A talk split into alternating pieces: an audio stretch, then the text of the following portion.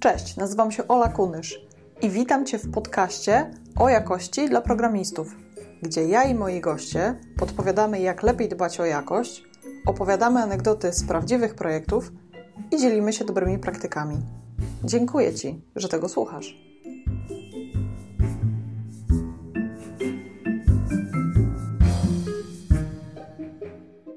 Zapraszam Cię do przesłuchania pierwszej z dwóch części rozmowy z Jarkiem Ratajskim. Jarek to prawdziwa legenda polskiego IT. Mówi o sobie, że jest programistą od dość dawna i że lubi programowanie od momentu, kiedy wpisał pierwsze trzy linijki w Basicu na Commodore 64. Przeszedł standardową ścieżkę swojego pokolenia od Basica, Assemblera przez C, C++, Java do Kotlina, Scali i Haskella. Jarek pracuje jako anarchitekt w firmie Ingenious GmbH w Szwajcarii, gdzie pomaga w tworzeniu i utrzymywaniu systemów w branży finansowej.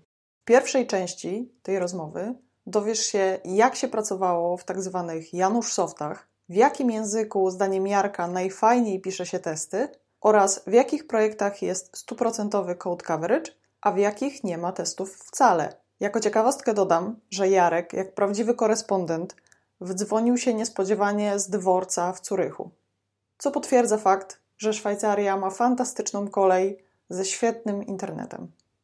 Zapraszam. Jarek, skoro tak mm, długo programujesz, gdzieś tam kiedyś rzuciłeś hasło, że 20 lat w Javie, e, to powiedz, czy pisałeś testy od początku? Czy to było tak, że testy no. w trakcie? Nie, nie, nie, to zupełnie tak nie było. Kiedy zaczynałem w Javie, to nawet jestem pewny, że kiedy poszedłem do pierwszej pracy, to o testach nie miałem pojęcia. Pracowałem w takim super Janusz Softie, takim, że nikt by nie uwierzył, co myśmy tam robili. No i generalnie to praca polegała na tym, że przez y, dwie godziny dziennie coś robiliśmy, a przez następne 12 godzin naprawialiśmy to, co zepsuliśmy. I tak w zasadzie 7 dni w tygodniu. To było piękne. I, no i właściwie już wtedy był, powiem, że to dziwne, ale ja naprawdę jakoś o testach nie słyszałem. Może gdzieś tam się przebiło, ale to wszystko było jakoś science fiction. I gdzieś w tej pracy, kiedy walczyłem po prostu z wiatrakami, ktoś nagle zaczął rzucać jakieś hasło testy. To taki jeden mój kolega z Politechniki.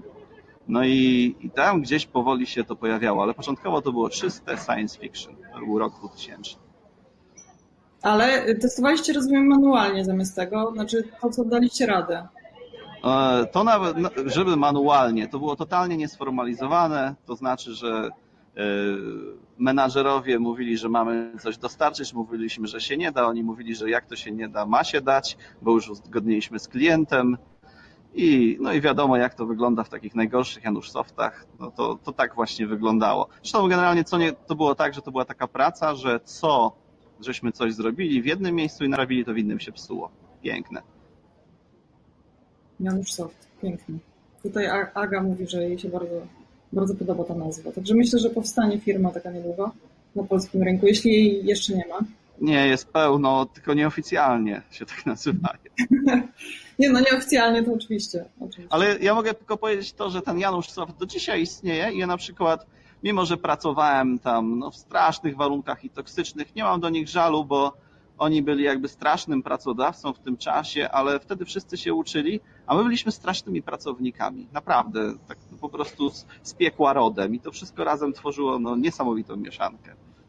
Brzmi świetnie. To w którym momencie w takim razie możesz powiedzieć, że robiliście tak prawilnie software i już z testami i e, jakąś kontrolą jakości?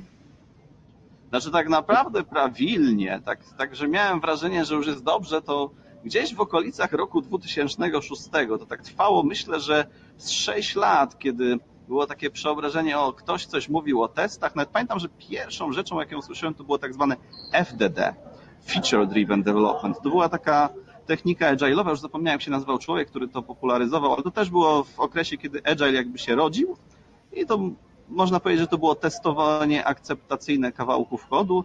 Już mi się wtedy te wszystkie idee podobały, ale mijało, minęło dużo czasu, zanim od eksperymentów jakiś, wtedy nie było GitHuba, robiliśmy na czymś, co się nazywało SourceForge, zanim od eksperymentów w grupie, że tak się rzeczywiście da pracować, od tych pierwszych JUnitów przeszliśmy do czegoś, że o, rany, robimy to naprawdę z naszym kodem w pracy, a nie, nie po prostu, że to jest jakaś zabawa. tak myślę, że 2000 to totalny chaos, a 2006 no to już tak nie najgorzej, ale bez, też od, od razu mówię, to nie było tak, że to, co robiliśmy w 2006, to już było takie naprawdę prawilne. To już było nie zgorsze jak na tamten czas. Mhm. Czyli to no, ponad dwa. Mm, nie, sześć ponad, lat. Ponad sześć lat dochodziliście do tego. I to w Javie. Ja wcześniej pracowałem w C, gdzie w ogóle nie słyszałem o, o żadnych testach. Do dzisiaj nawet jakoś tak rzadko się zdarza, żebym widział w kodzie w C czy C. Jeszcze z dwa dni temu oglądałem, nie, w zeszłym tygodniu oglądałem kod w C, w którym właśnie człowiek tam ciągle coś, coś naprawia, coś psuje, nie ma żadnych testów i ciągle dosyła poprawki, jest fajnie. Są takie błędy głupie, że widać je gołym okiem, nie będąc programistą C, no ale taki standard. No tak. A powiedz w takim razie, y, no bo ty się przewinąłeś przez parę tych technologii, y, mówisz, że to jest taka standardowa ścieżka y, i ostatnio tam jakiś Kotlin, jakiś Haskell, no wcześniej Java, też Scala, nie? I jakie masz tak. doświadczenie, gdzie najlepiej pisało się testy? Znaczy, to teraz powiem, że najlepiej mi się testy pisało z punktu widzenia takich jakby testów, gdzie najwygodniej i najfajniej to uwaga w JavaScriptie. Zdecydowanie. Naprawdę. W, dlatego, że ten język jest, no właśnie, dynamiczny, bardzo elastyczny, więc napisanie testu jest tam mało upierdliwe. Po prostu to jest tak, że się pisze, co się chce i właściwie wyjście w takie dawno temu, to pamiętam, że to był rok 2012, 2011, 2012, kiedy wchodziłem w JavaScript, ale nie na tej zasadzie, że po raz kolejny próbuję coś ze Stack Overflow skopy-pastować na stronę, tylko próbuję się nauczyć tego języka jako języka, no to było dla mnie takie odkrycie. O rany, oni mają frameworki testowe i te frameworki są niezłe. Mhm. E, wtedy był Justmine, teraz jest Jest i to są frameworki, na przykład powiem jedną rzecz, która mi w Javie brakuje bardzo. E, testy asynchroniczne i na przykład taka rzecz, która jest standardem w całym JavaScriptie, przewiń czas o dwie godziny do przodu. Kiedy na przykład przetestujemy timeouty, wszystkie rzeczy, które są jakby e, zaplanowane na te następne ileś tam minut czy godzin, albo to są minuty. W Javie testowanie tego typu rzeczy jest dość upierdliwe. Trzeba w ogóle przemyśleć koncepcję czasu, a tam stryk czas do przodu i, i widzimy, czy wszystko się poodpalało, co miało i trwa te, oczywiście to 0 milisekund, no może jedną, w tym sensie, że to jest tylko takie wirtualne przewinięcie czasu. Ale mhm. też generalnie mm, a to jest ze względu na to, że to jest właśnie język dynamiczny, czyli mm, właśnie tego typu rzeczy, krótkie strzały, pisze się tam bardzo ładnie. Oczywiście jest to pewien koszt, bo utrzymanie później tych testów po refaktoringu to jest inna sprawa, a to jest w ogóle jakby inna dyskusja. E, jak takie testy przeżywają zmiany w kodzie i tak dalej, jaki jest ich finalnie czasem sens, ale pisze się bardzo szybko i sprawnie. Mhm. Czyli Java w wersji script pozwala na kontrolę czasu, tak? Na władzę nad czasem. Tak, tak. W oczywiście to jest takie złudzenie, ale jakby jest to wbudowane troszkę w te biblioteki w tym języku i, i w, mm, frameworki do, e, do testowania to wszystkie wspierają. Tak jakby mieli, możemy zamokować czas w pewnym sensie. Bardzo mhm. to lubię. E, w Javie są do tego różne narzędzia, ale ze względu na to, że gdzieś tam na samym dole mamy ten new date, który jeszcze programiści używają i w wielu miejscach do tego czasu są odwołania takie bezpośrednie, no to e, to nie działa, bo tego nawet nie do końca się dobrze da zamokować, bo to są jakieś metody natywne i tak dalej. To powiem, że w Javie trzeba od dnia zerowego, jeżeli chcemy mieć dobrze testowany system, to myśleć, co my zrobimy z czasem i z wszystkimi tymi mhm. Zaplanowanymi zadaniami. Mhm. A jeśli no, tylko mamy bibliotekę, o kontroli czasu w Javie to już było wiele prezentacji na wielu konferencjach, także to od razu widać, że to nie jest prosty temat. Nie? Znaczy, no ja, ja mam takie, to zawsze mówię, odgrażam się, oczywiście tego nie robię, że zastrzelę, jak tylko zobaczę new date albo local date now w kodzie gdzieś tam, ale oczywiście i tak znajduję. A poza tym nawet jak my w naszym kodzie nigdzie tego nie mamy, to biblioteki, które używamy, mają i to często rozwala te, te wszystkie testy niestety, bo jak zrobić test izolowany, niezależny od środowiska? Czas też jest elementem środowiska. Jak to gdzieś to właśnie ten nał się pojawia i już nie możemy do końca mieć y, zawsze takich samych powtarzalnych testów. Mhm. No a takich systemów, w których nie ma czasu jest, y, znaczy no można zrobić jakiś pet shop i, i taki, gdzie faktycznie to nie ma żadnego znaczenia, ale większość systemów jednak czas obsługuje, więc jakby to zależnie tego no tak, no właśnie obsługuje czas, zdarzenia synchroniczne i tu to wszystko w Javie i w ogóle na JVM jest niepotrzebnie trudne, ale to jest tylko jeden malutki aspekt. No powiem, że jest jeszcze coś takiego, że mamy takie frameworki testowe, jak na przykład Scala Test, które mają wbudowane w, od razu obsługę tak zwanych asynchroniczności, czyli to, co w Javie się często dzieje, że na przykład odpalam jakieś, jakiś event, coś wykonuję i sprawdzam, czy za jakiś czas przyjdzie mi jakieś zdarzenie. To jest zwykle jakieś asynchroniczne działanie. To może być z bazą danych, z jakąś kolejką i tak dalej. No i do tego wszystkiego no, w JUnicie nie za bardzo mamy wsparcie. Ludzie robią bardzo dziwne rzeczy. Chyba najgorszym to zawsze jest thread sleep i czekamy 30 sekund, no to jest cudowne rozwiązanie. A, a no właśnie są frameworki, które po prostu mają, jest coś takiego, że tak naprawdę zwracamy, nie, as, nie mamy asercję, tylko future od asercji, czyli zwracamy asercję, która będzie w przyszłości wykonana, jak już wszystkie dane się pojawią. Także no to, jest, to jest na przykład bardzo duża zaleta skala, skala test frameworka, który też dosyć lubię. Mhm. Zresztą nie wiem e, na ile znasz go, ale to jest po prostu po, po JUnicie, no to jest po prostu nieba a ziemia, kiedy testy mogę wprost pisać, jak ktoś lubi pisać w stylu given, when, then, to tam wprost tak pisze given. To, tak, tak, tak, to, że, when i should to są składnie języka tak naprawdę i E, no, te testy pisze się w taki ładny sposób e, z użyciem języka naturalnego i to tak płynie. Znaczy, to jest DSL, no to właściwie tak jest po prostu popisane i to jest fajne, bo nie trzeba się powtarzać, nie, nie muszę wymyślać specjalnych nazw, metod i tak dalej. Moje shoot, ta asercja jest od razu tym, co się e, w razie wywalenia pokaże na ekranie. Gdy no, od razu zmniejsza się ta, ten poziom redundancji. No to już od razu powiem, że w Kotlinie jest y, taka bieda kopia skala testa, nazywa się Kotlin Test. No, ona nie jest aż taka biedna, ale nie ma tej asynchroniczności i też dosyć przyjemnie się w tym pracuje i też polecam jak ktoś. Y, w tej chwili na przykład robię jeden taki projekt, w którym dzisiaj pisałem do starego projektu Javowego, w którym postanowiłem drobną rzecz poprawić i gdzie nie było testów, no pisałem prawie dwa dni testy w Kotlinie. No to jest fajne. Stwierdziłem, że nie będę tam wrzucał Kotlina do kodu produkcyjnego, bo to jest naprawdę tam troszkę tylko musiałem zmienić. Natomiast nie mam żadnych skrupułów, żeby testy pisać w czymś, czym są one bardziej czytelne. I no, i, no i tu właśnie wykorzystuję w tym już zresztą nie pierwszy raz Kotlin test w takiej sytuacji. To jest też sposób, jaki można sobie czasem do projektu przemycić Kotlina. Mhm. A może jakieś doświadczenia z, ze spłokiem i z pisaniem testów w Tak. E, kiedyś mi się to przez chwilę podobało, ale to po pierwsze było dawno i można powiedzieć prawie nieprawda, bo robiłem tego tak mało, że, że no po prostu e, e, gdzieś jak w jednej firmie pracowaliśmy, nawet chyba razem, to przez chwilę się tym bawiłem po jakiejś tam prezentacji, ale troszkę mnie odrzuciła jakby magia tego wszystkiego że, że jednak ten groovy jest taki zbyt, e, zbyt magiczny. E, mhm. Przy czym oczywiście to jest taki inny poziom magii niż mamy w Springu, ale tym niemniej. A, a powiem, że w tej, gdybym nie miał Kotlin testa, gdybym nie miał Scala testa, to bym tego spoka bardzo poważnie rozważał. No ale właśnie mając tamte alternatywy wolę. Jasne. Ja też kilka lat temu właśnie pracowałam ze Spokiem w jednej z firm i my przez to, że mieliśmy bardzo duże y, wsparcie całego community firmy, no to dużo osób udało nam się przekonać w ogóle do pisania testów, bo byli tacy bardzo oporni i przez to, że no, łatwo było wejść, przynajmniej w tego spoka, no bo jasne, na jakimś tam etapie pojawia się ta magia, ale łatwo było wejść, więc dużo osób się przekonało, zaczęło pisać, także mieliśmy nawet takie powiedzenie, że spok jest spoko i dużo osób jakby powtarzało w firmie.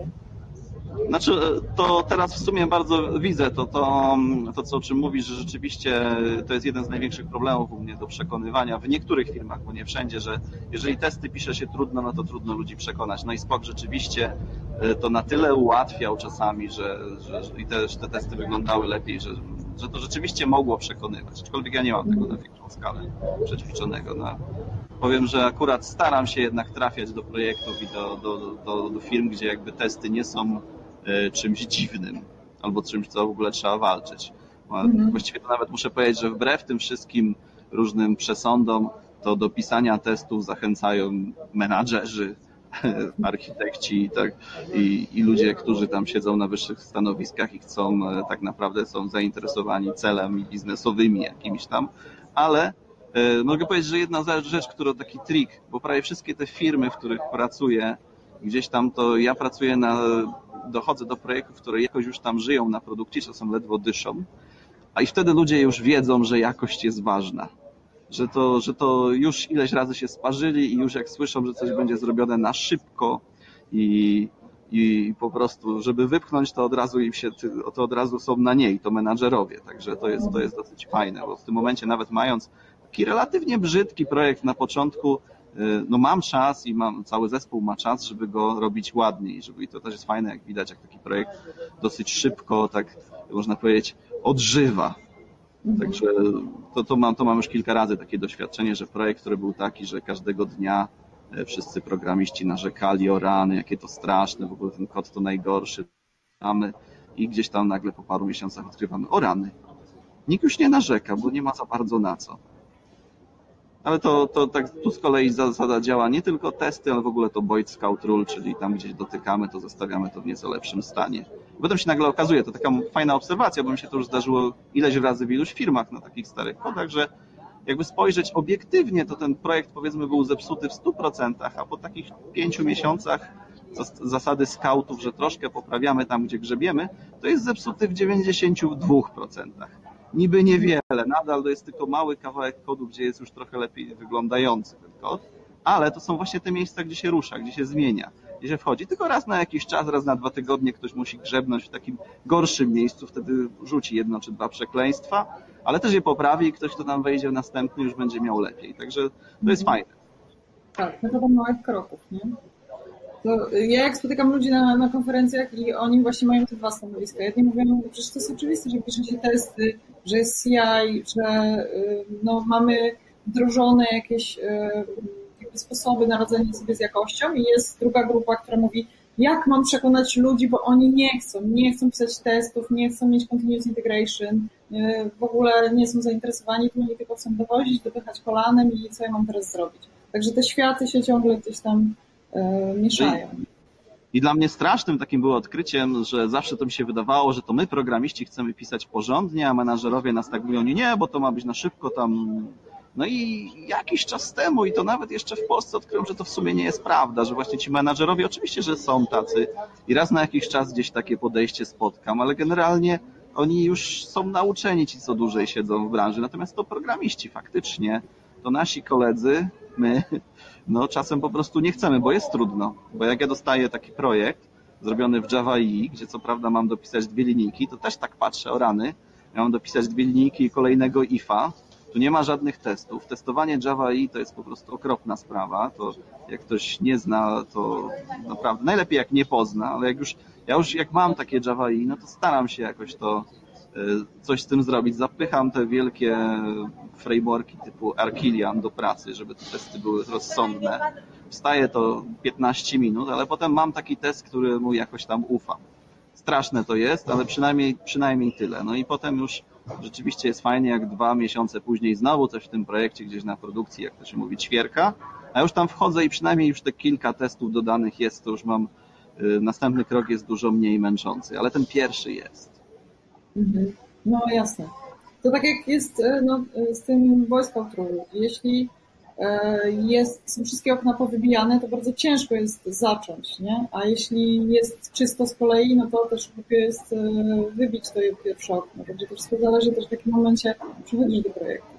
Bo jeśli tak jak mówisz, jest zepsute 100%, to ta pierwsza osoba, która podniesie to i powie, hej, słuchajcie, musimy to naprawić, no to no, będzie bohaterem tego. Nie?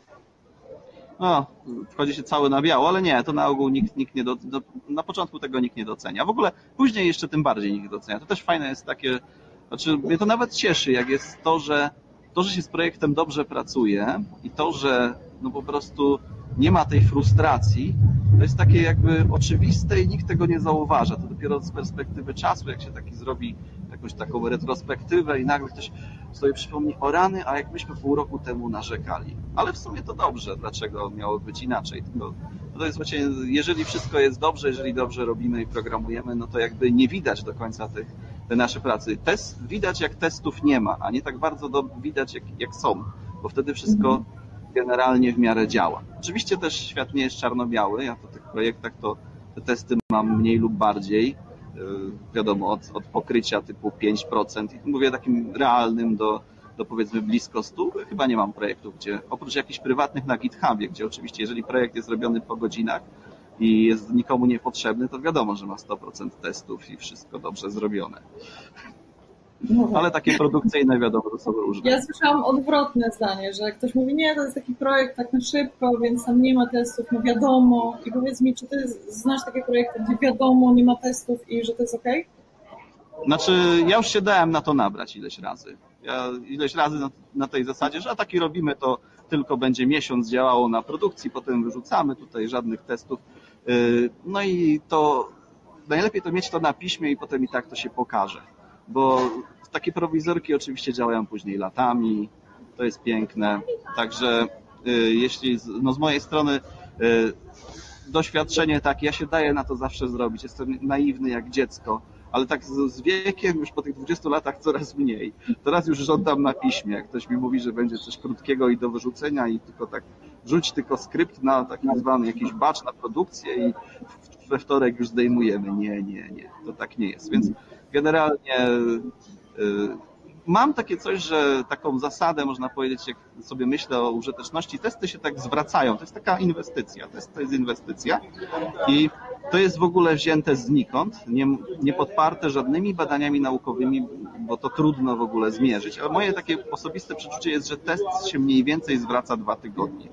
Że jeżeli coś, jakiś test żyje napisany tak średnio, bo wiadomo, są takie, które więcej nam czasu zajmą, a zwrot jak jakby mały zysk, albo takie, które pisaliśmy trzy minuty, ale one kontrolują ważną rzecz, no ale tak średnio dwa tygodnie. Czyli dla mnie to oznaczało, i stosowałem taką zasadę, że jeżeli już jesteśmy te dwa tygodnie przed końcem projektu, już tam wypychamy ten release, to wtedy czasami, jeżeli jest taki firefighting, tutaj wszystkie ręce na pokład, co niestety się zdarza, nawet, nawet jak człowiek ma ileś tam lat, no to wtedy można na te ostatnie dwa tygodnie przed, przed tym wypchnięciem tego projektu odpuścić na chwilę testy, zapłacimy za to później wyższą cenę, ale powiedzmy, można sobie na coś takiego pozwolić. Natomiast jeżeli jest ten okres dłuższy, no to myślę, że się zwróci. To, to jakby mówię, nie mam na to. Mm, mówię o takich typowych javowych projektach. Na pewno też zależy to od języka, od, od doświadczenia zespołu, ale takie jest moje mniej więcej przeczucie.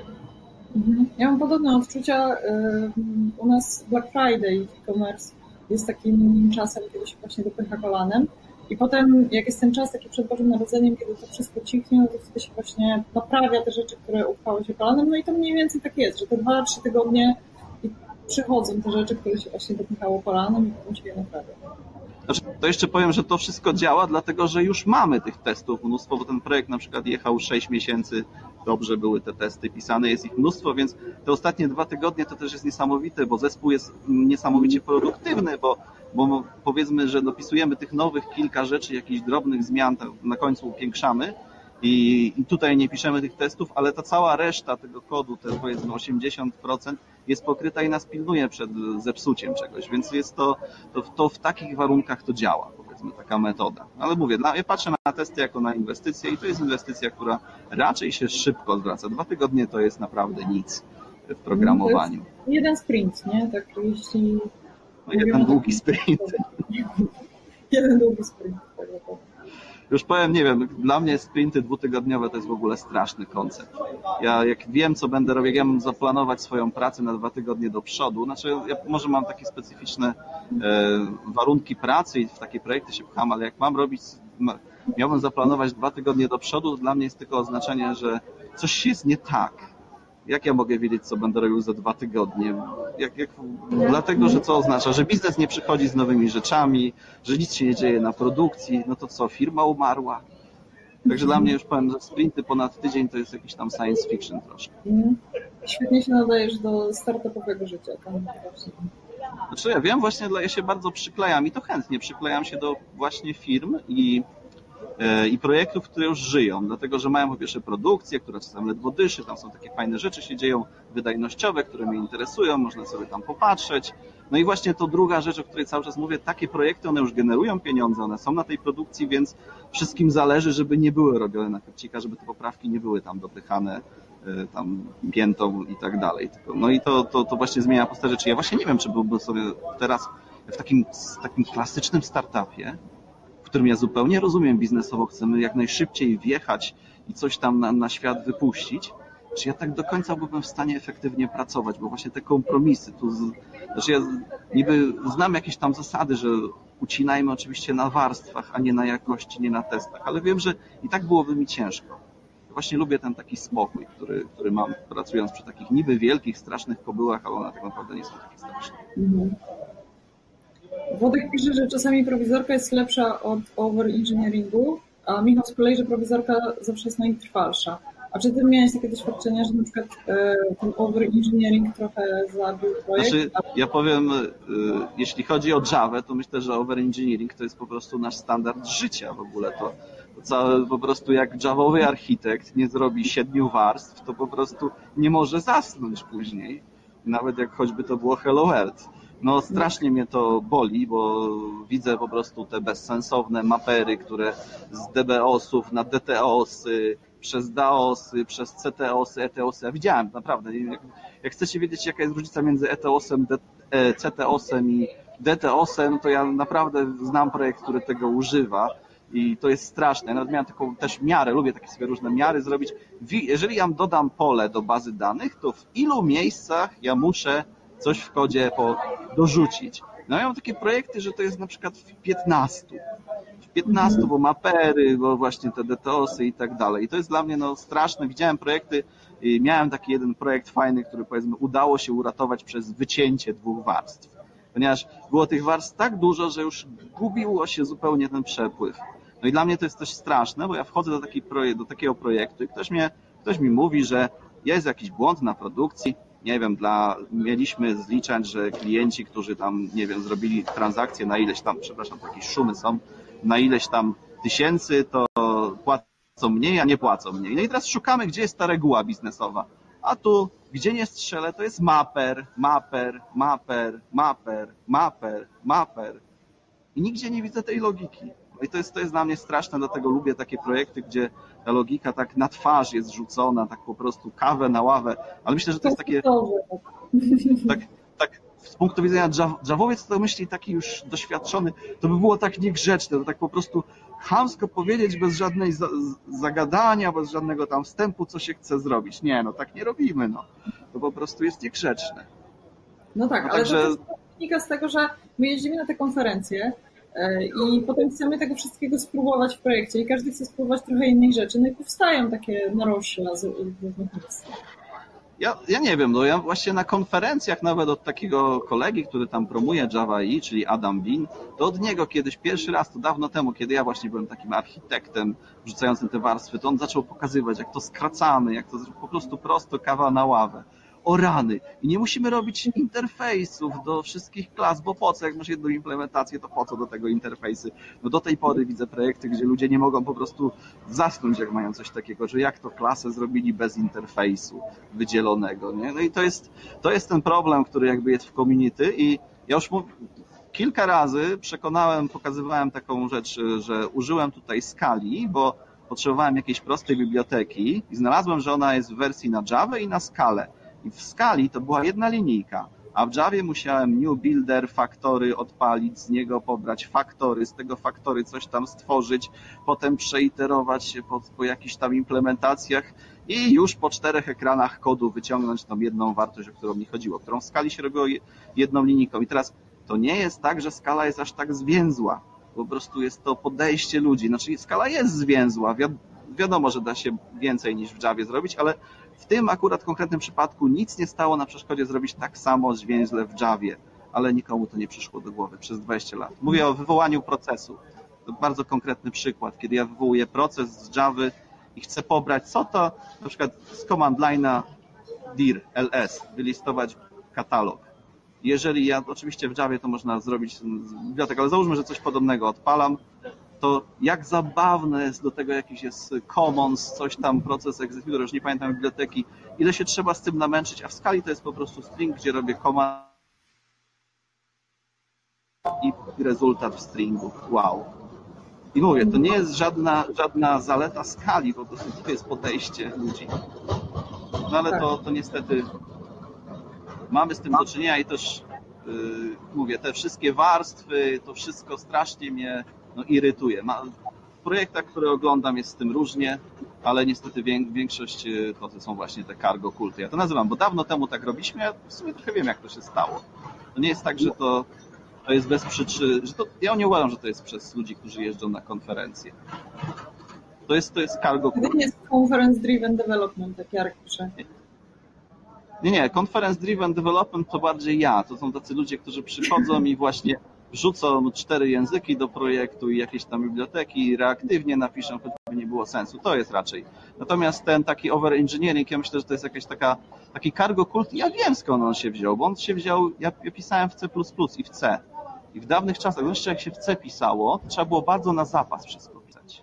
Dlatego, że narzędzia do refactoringu były słabe i to generalnie wszystko było słabe. Pamiętam w C mieliśmy struktury, no taki odpowiednik klas, w którym były pola zawsze reserved 1, reserved 2, reserved 3, bo mogą się przydać.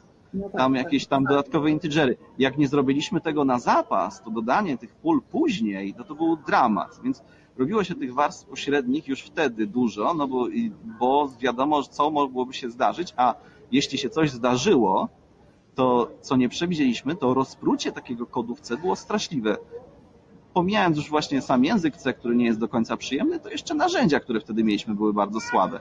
A teraz w Javie, jeśli ja napiszę prostacko ten kod, naprawdę czegoś nie przewidzę, to dostawienie tam czegoś, czego brakuje przy IntelliJ czy nawet Eclipse Refactoring, to jest po prostu parę linijek. Ale ludzie tego nie zauważyli, że pracujemy teraz w innych warunkach. Nie musimy robić na zapas. To jest ta zasada jagni.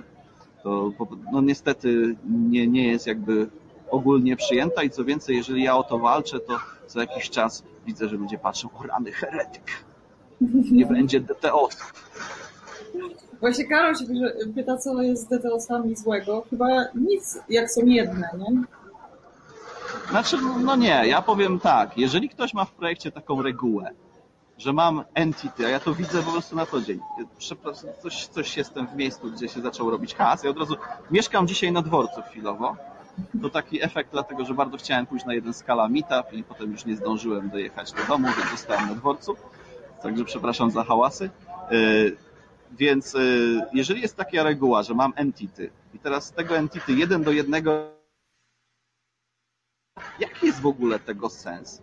Bo ten DTO powinien jakoś tam chronić naszą warstwę logiki biznesowej, tą, tą wewnętrzną domenę przed tym, jak z zewnątrz na nią patrzymy. Ale przed czym on chroni, jak on dokładnie pokazuje jeden do jednego, co jest. Jeszcze ludzie, nawet znam projekty, gdzie ludzie generatory do tego popisali, kodu, że to im się automatycznie uzupełnia. No świetnie, ale co to właściwie, to czemu tego od razu nie napisać? Znaczy, jest jeden myk związany z, z JPA i z tym, jak niebezpieczny jest to framework, gdzie to ma jakiś sens, bo zabezpiecza nas to przed przypadkowymi zmianami w bazie danych, które sami sobie zrobimy, ale ogólnie to uważam, że lepszym rozwiązaniem jest nie używać JPA w tej sytuacji, niż po prostu ciągnąć te takie bezsensowne kopie.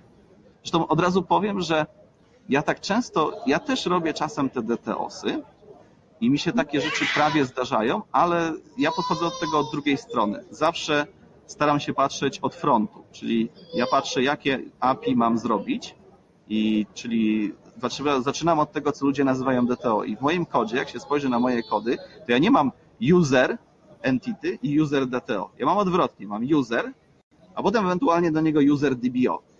Ten drugi to jest ten gorszego sortu. I patrzę od tego frontu. Jeżeli ja patrzę od tego frontu, to wtedy jakby życie z, moim, z tymi entity się nieco, nie wiem, z mojego punktu widzenia mam wrażenie, że mniejszy robię ten syf, że, że nie robię tych bezsensownych maperów aż tak dużo. Co więcej, robię też czasem takie skróty, jak nie wiem, nawet jak się używa tego JPA, to jest select new i tutaj wstawiamy tego naszego DTO i od razu wyciągamy z bazy danych, co to trzeba. Możemy robić widoki i tak dalej, i tak dalej. To już jeżeli używamy baz danych, ja nawet tego nie lubię, to, to generalnie działa. Tak, znamy. Gdybyście jeszcze nie widzieli e, Jarka prezentacji Drop Database, to jest na YouTubie chyba w kilku wersjach, także polecamy. A e, powiedz Jarek, miałeś jakąś taką spektakularną wpadkę albo widziałeś taką wpadkę, gdzie nie było testów i coś się sypnęło srogo? Wpadek to, to widziałem trochę, ale szczerze mówiąc, żeby było to związane z brakiem testów, ja powiem, mogę powiedzieć, ja miałem spektakularne wpadki wielokrotnie związane z maniem testów, przepraszam, że tak mówię potocznie. Ja, ja, ja się przyzwyczaiłem już dosyć dawno do tego, że piszę do, najpierw testy w takim TDD, potem ten kod implementuję. Ja nawet używam takiego sformułowania jak złośliwe TDD. Czyli ja muszę zobaczyć, e, czyli jak ja piszę ten kod, to robię takimi krokami, najmniejszym tym przyrostem, który powoduje, że test przechodzi. Ja często jakieś tam głupie rzeczy wrzucam, tak żeby wiedzieć, że muszę kolejny test dopisać, żeby nie było nigdy nic za, za daleko do przodu. Z tego wychodzą zabawne rzeczy, bo bywało, że przerwałem swoją pracę. To jest na przykład to, że wrzucamy user o imię, imieniu Agnieszka do bazy danych i sprawdzamy, czy go wyciągniemy. Mam taki test, ale tylko taki zrobiłem, a, a, a implementacja moja wyciągania z bazy danych jest taka, że zawsze zwracamy Agnieszkę. Test przechodzi, przechodzi. I w tym momencie, i miałem takie historie, to jest teraz abstrakcyjne, ale miałem podobne historie, kiedy ktoś mi przerwał, gdzieś była jakaś wywałka w innym projekcie, wróciłem, patrzę, o, wszystkie testy na zielono, zaimplementowane co trzeba, pych na produkcję. No i znaczy to odpowiem tak, na szczęście to chodziło zwykle przez jakieś tam testy jeszcze manualne ludzi i było wykryte, ale było to czasem zabawne, bo było aż to żenujące. E, z takim podejściem zdarzały mi się po prostu bardzo żenujące błędy. Takie nigdy nie była to spektakularna wywała na produkcji, ale to trochę wstyd przed kolegami. Ale mówię, no niestety mam taki za duży, nabrałem przez to, przez to pisanie testów miałem taki okres w życiu i chyba nadal go mam, że za bardzo ufam czasem swojemu kodowi, jeżeli jest przetestowany mimo że wiem, że właśnie robię takie rzeczy. Mhm. Ale to nie miałeś chyba code review w takim razie, skoro to przeszło. To, to powiem tak, e, no i oczywiście, że nie miałem code review, bo miałem code review, ja wiem jak wygląda code review w firmie, praktycznie rzecz biorąc, w każdej, że oczywiście ludzie są obciążeni, piszą swoje rzeczy, więc tak, tak, tak, więc e, mimo, że formalnie miałem i myślę, że nawet w iluś tych przypadkach, ja tu powiem, w jednej firmie mi się takie rzeczy zdarzały regularnie, i tam niby był ten code review, czasem coś wychodziło, ale oczywiście wychodziły literówki, wychodziły, że gdzieś tam, nie wiem, jakiegoś nula nie sprawdzamy, ale takie, takie grube zwały oczywiście zawsze przechodzą bardzo ładnie. Także, no to dłuższa dyskusja, co zrobić z code review, żeby działały. No to nie jest takie proste. Tak, to prawda. To jest w ogóle na inny webinar e, temat.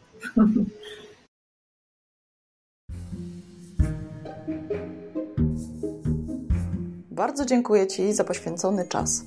Jeśli ten odcinek dał Ci wartość, to podziel się nim w social mediach albo wyślij go do jednej osoby. W notatkach do odcinka znajdziesz linki do bloga, kanału na YouTubie i mojego Twittera. Jeśli masz jakieś pytania albo sugestie, to napisz do mnie na olamałpka.szkołatestów.online. Niech moc będzie z Tobą. Ola Kunysz.